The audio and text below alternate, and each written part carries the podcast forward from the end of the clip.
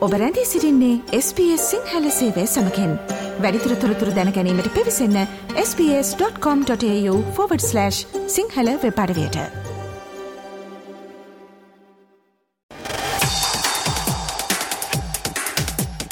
ජයපරාජය මැදින් ගලා යන සබ්දින කෙලිබිමේ උණුසුම. SBS සිංහලකුවන් විදිලියේ සතියේ ක්‍රීඩා අයිබෝවන් SBS සිංහල සේවේ සතියේ ක්‍රඩා විග්‍රහය නද අපි පළමුුවෙන්ම අවධානය යොමු කරන්නේ කාන්තා ආසියානු කුසලාන ක්‍රිකට් තරගාවලිය වෙතයි. තරකාවලියේ අවසන් මහා තරගේ සඳහා සුදුසුකම් ලබාගන්නට ශ්‍ර ලංකා කණ්ඩායමට ඊයදිනේදී අවස්ථාව උදාවුනා ඒ අවසන් පූර්ව තරගේදී පාකිස්ානු කණ්ඩායම තිවුණු තරගයකින් පසුව එක් ලකුණකින් පරාජයට පත්කිරීමත් සමගයි ශ්‍ර ලංකාව පළමුුවෙන් පන්දුට පහරදී කඩුළු හයකට ලකුණු එකසේ විසි දෙකක් ලබාගත්තා පිළිතුරු ලෙස පාකිස්ානු කණ්ඩායම නියමිත පන්දුවාර විස්ස අවසානයේ කඩුළු හයකට ලබාගත්තේ ලකුණු එකසිය විසි එකක් පමණයි. ඒ අනුව හෙට දිනේදී පැවැත්වෙන අවසන් මහතරගේදී ශ්‍ර ලංකාව සහ ඉන්දියාව තරගවැදීමට නියමිතයි. වසරදා හතරක් වන තරගාවලි ඉතිහාසේ ශ්‍ර ලංකා කණ්ඩායමක් අවසන් මහා තරගයට සුදුසුකම් ලබාගත් ප්‍රථම අවස්ථාව මෙයයි.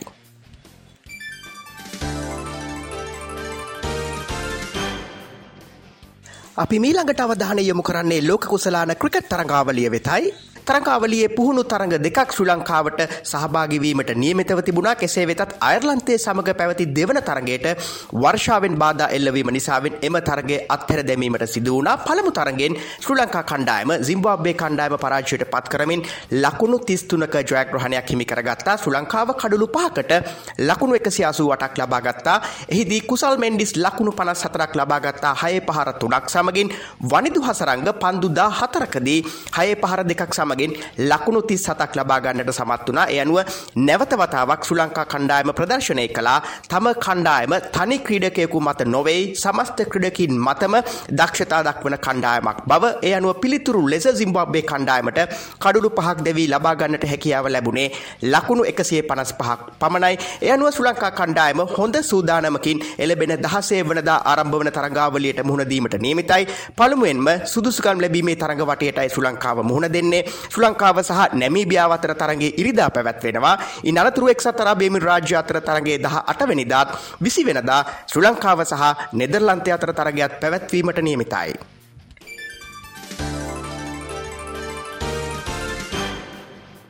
මේ අතර පුහුණු තරඟාවලියෙන් පසුව ශ්‍ර ලංකා ක්‍රිකට් කණ්ඩායම තමන්ගේ පුහුණුවීම් කටයුතු ඉතාමත්ම සාර්ථක ලෙස සිදු කරමින් සිටිනවා. මෙල්බර්න් හිදී පසුගේදා රාත්‍රී පුහුණු සැසිවාරයකටත් ශ්‍ර ලංකා කණ්ඩායම සහභාගී වුණා.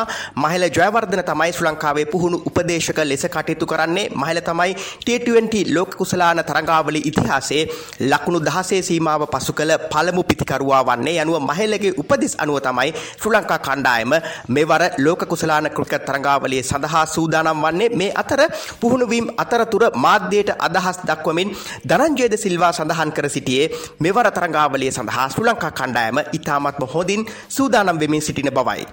ප්‍රේෂණ හොඳර යන අපි පුළුවන් හැමලාමගේ ප්‍රක්ටිස් කරා. ඉතිං වෙදර එකත් එච්චරම අපිට අමාරුවක් නෑ. පොඩි සීතලක් තින වහින වෙලාට විතරක්. ඉතින් ඒ වෙලාවට සෙල්ලම් කරන්න ඇති හින්දා කිසි ප්‍රශ්නයක් නෑ. ඉතින් ප්‍රපරේෂන් ඇත්තටම ගොඩක් හොඳට වෙගින් මේ අතර ශ්‍රී ලංකා කණ්ඩායමේ සංයුතිය පිළිබඳවත් ධනංජයද සිල්වා මේ ආකාරයෙන් මාධ්‍යයට අදහස් දක්වා සිටියා. ඇතරම ගොඩක් හොඳ සංයුතිය මොකද අපිට ඇත්තරම පේස් පින් දෙකම බැලන්ස් එකේ තියෙනවා. හොඳ පිටිකරුවන් ඉන්නවා. ඉතින් මැද පෙළ පිටිකරුවන් සෑන් හොඳයි. බානුක දසුන් වනිදු වගේ මැච් ඉවර ගන්න පුළුවන් අය ඉන්නවා. ඉතින් අපිට ඒෂියා කප් එකේදී උඩින් හොඳ පාර්ට්නර්ෂිප් එකක් හම්බුනොත් මම හිතනවා අපි ලොකු ලකුණු සංඛ්‍යාවකට ගියොත් එහෙම මේ ග්‍රවුන්ඩ් වල අපේ ස්පින් එකත් එක්ක මම හිතන්නේ අපිට ඩිෆෙන්ඩ් කරන්න පුළුවන් වෙයි කියලා. මේ අතර ධනංජයද සිල්වා සඳහන් කර සිටින්නේ ඔස්ට්‍රේලියාවේ සිටින ශ්‍රී ලාංකිකීන්ගෙන් ලැබෙන සහය මේ තරඟාවලියේදී ශ්‍රී ලංකා කණ්ඩායමට අතිශයින්ම තීරණාත්මක සාධකයක් වන බවයි. මංහිතන ගොඩක් දෙනෙක් මැච් බලන්න ඒ කියල මොකද මහිතන මෙහි ගහද්දි සෑහෙන්න ශ්‍රී ලංකා ශ්‍රී ලංකෙන් පිරිසක් එනවා ඉතින් මැච් බලන්න අනිත් රටවලට සාපේක්ෂව ගත්තම ඉතින් මං හිතන මේ මැච් වලට ඇවිල්ලා අපිට ලොකු සපෝට් එකක් දෙයි කියලා ඒ මාධ්‍යයට අදහස් දක්වා සිටියේ ශ්‍රී ලංකා ක්‍රිකට් ක්‍රීඩක ධනංජයද සිල්වා මේ අතර ශ්‍රී ලංකා වේගපන්දු යවන ක්‍රීඩක දුෂ්මන්ත චමීර මෙවර ලෝක කුසලාන ක්‍රිකට් තරඟාවලියෙන් පසුව ඔස්ට්‍රේලියාවේදී වලලුකර ශල්‍ය කර්මයකට ලක් කිරීමට නියමිත බව වෛද්‍ය මහාචාර්ය අර්ජුනද සිල්වා මහතා සඳහන් කරනවා. ඉන් අනතුරුව ඔහුට සති 6ක කාලයක් විවේක ගැනීමට සිදුවන බවයි ඔහු සඳහන් කරන්නේ. ඉන් අනතුරුව දුෂ්මන්ත චමීරට ටෙස්ට් තරඟ සඳහාත් අවශ්‍යතාව පරිදි සහභාගී වීමේ අවස්ථාව උදාවන බවයි ඔහු වැඩිදුරටත් සඳහන් කර තිබෙන්නේ. මේ අතර මෙවර ලෝක කුසලාන ක්‍රිකට් තරගාවලියේ ශ්‍රී ලංකා කණ්ඩායම සහ ශ්‍රී ලංකා කණ්ඩායමේ ජයග්‍රහණය පිළිබඳව හිටපු නායක කුමා සංගක්කාර මේ ආකාරයෙන් මාධ්‍යයට අදහස් දක්වා සිටියා. මම කවදක්වත් ආසනෑ ජයග්‍රහණය කරනවාමයි කියන්න ඕනෑම කණ්ඩායමක් මගේ හදවතයි මනසයි දෙකම කියන්න ශ්‍රී ලංකාව ජයග්‍රහණය කරන්නම ඕනේ අපේ කණ්ඩායම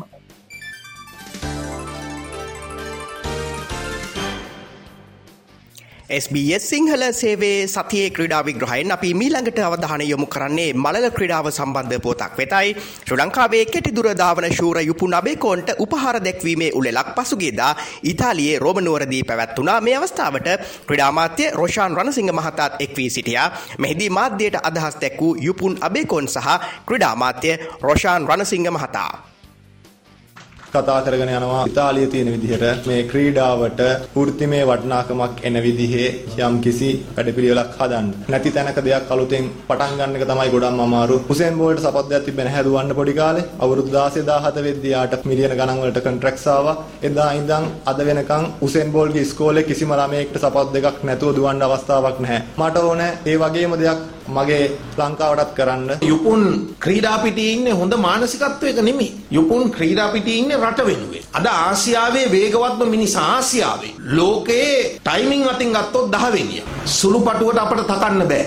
හැබැයි යුපුන්ට කෝ හොඳ මානසිකත්වයක්. වෙන රටක නම් ක්‍රීඩකයෙක් ආණ්ඩුවෙන් ඌව බලා ගන්නවා, ඌට වැටුපහක් දෙනවා, ආදායම් මාර්ගයක් තියෙනවා. හැබැයි යුපුන් පිටියේ ඉන්න ගමන් හිතනවා මම දවස පුරාම ග්‍රවුන්ඩ් එකේ මං කාලය වැය කරනවා. මට මොකද්ද වෙන්නේ අනාගතේ? අපිට තියෙනවා ඔහු ගෙනියන්න එක ඉලක්කයකට ඔලිම්පික් දක්වා අපි ගෙනියන්න. මම මෙතනදී බොහොම ගෞරවයෙන් ඔබේ සහයෝගය බලාපොරොත්තු වෙනවා යුපුන් වෙනුවෙන්. යුපුන් කියන්නේ වැඩි කල නොගිහින් අපිට ඔලිම්පික් පදක්කමක් ගේන්න පුළුවන් දක්ෂයෙක් හුසේන් බෝල්ගේ 9.5යි 8යි යුපුන් 9.9යි 5යි සෙකන්ඩ්ස් ගානක් තියෙන එක නිසා ඔබ එහි ගෞරවය ගන්න. යුපුන්ට හොඳ මානසිකත්වයක් දෙන්න ඔබේ හයිය දෙන්න. මගේ හයිය මං ඇමතිවරයා විදියට දෙනවා. යුපුන් ඔබට බාරයි. යුපුන් රැක ගන්න මෙය ලෝකයේ වේගවත්ම මිනිසා කරන්න.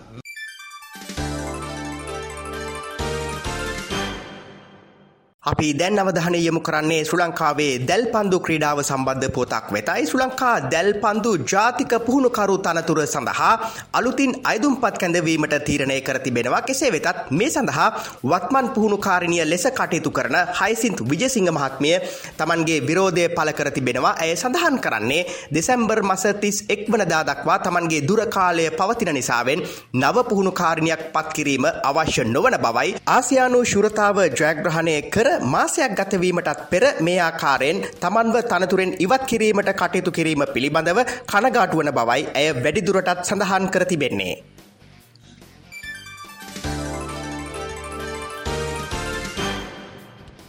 SBS සිංහල සේවේ සතියේ ක්‍රීඩා විග්‍රහයෙන් අපි මීළඟට අවධානය යොමු කරන්නේ ඔස්ට්‍රේලියානු ක්‍රීඩා පිටිය වෙතයි. සංචාරක එංගලන්ත කණ්ඩායම සහ ඔස්ට්‍රේලියාව අතර තරඟ තුනකින් සමන්විත T20 තරඟාවලිය දෙකට බිඳුවක් ලෙස මේ වන විට ජයග්‍රහණය කරන්නට එංගලන්ත කණ්ඩායමට හැකියාව ලැබී තිබෙනවා. පළමු තරගෙනුත් එංගලන්තයේ ලකුණු 8ක ජයග්‍රහණයක් හිමි කරගත්තා. දෙවන තරගෙනුත් ලකුණු 8ක ජයග්‍රහණයක් හිමි කරගන්නට සමත් වුණා. එහිදී එංගලන්ත කණ්ඩායම කඩුළු 7කට ලකුණු 178ක් ලබා ගත්තා. ඔස්ට්‍රේලියාව ලබා ලබාගත්තේ කඩුළු හයක් දැවී ලකුණු එකසිය හැත්තෑවක් පමණයි තරංගාවලිය තුන්වන සහ අවසන් T20 තරගය අද පැවැත්වීමට නියමිතයි. මේ අතර සංචාරක කොදෙව් කණ්ඩායම සමඟ පැවැත්වුණු තරඟ දෙකකින් සමන්විත T20 තරංගාවලිය දෙකට බිඳුවක් ලෙස ජයග්‍රහණය කරන්නට ඔස්ට්‍රේලියාව සමත් වුණා.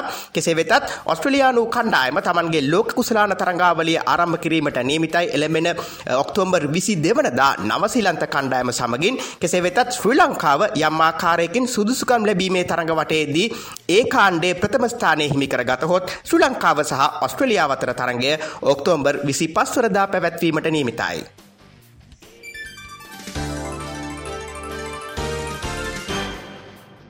මේ අතර දෙදහස් විසි තුන ඔස්ට්‍රලයානු විවෘත ටෙනිස් තරංගාවලියේ ප්‍රවේශපත්‍ර අලවිය පසුගේදා ආරම්භ කෙරුණා. මෙවර තරංගාවලියේදී ප්‍රවේශපත්‍ර ලක්ෂ නමයක අලවියක් බලාපොරොත්තු වන බවයි සංවිධායකින් පවසන්නේ. තරංගාවලිය ජනවාරි දහසේ වනදා සිට විසි නම වනදා දක්වා පැවැත්වීමට නියමිතයි. මේ අතර පසුගිය වර තරංගාවලියේදී නොවැක් ජොකොවික්ගේ සහභාගිත්වය සම්බන්ධයෙන් ඉතාමත්ම ප්‍රශ්නකාරී තත්ත්වයක් මත වුණ ඔහුව රටින් පිටුහල් කරනු ලැබවා. ඔහුට වසර තුනක කාලයක් ඔස්ට්‍රලියාවට ඇතුල්වීම තහනම් කර තිබෙනවා කෙසේ වෙතත් ඔස්ට්‍රලයානු බලධාරින් සඳහන් කරන්නේ ඔහු විසින් සම්පූර්ණ කළ යුතු අවශ්‍යතා සියල්ල සම්පූර්ණ කරන්නේ නම් මෙවර තරගාවලියට සහභාගිවීම සඳහා තමන්ගෙන් කිසිදු විරෝධයක් නොමැති බවයි කෙසේ වෙතත් නොවැක් ජොකවික්ගේ පාර්ශවෙන් මේ පිළිබඳව තවමත් අදහසක් පල කර නැහැ.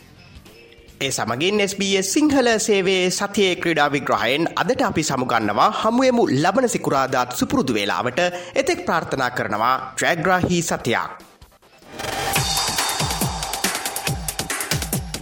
ජයපරාජය මැදින් ගලා යන සද්දින කෙලිබිමේ උණුසුම. SBS සිංහලකුවන් විදිලියේ සතියේ ක්‍රේඩා විග්‍රහය.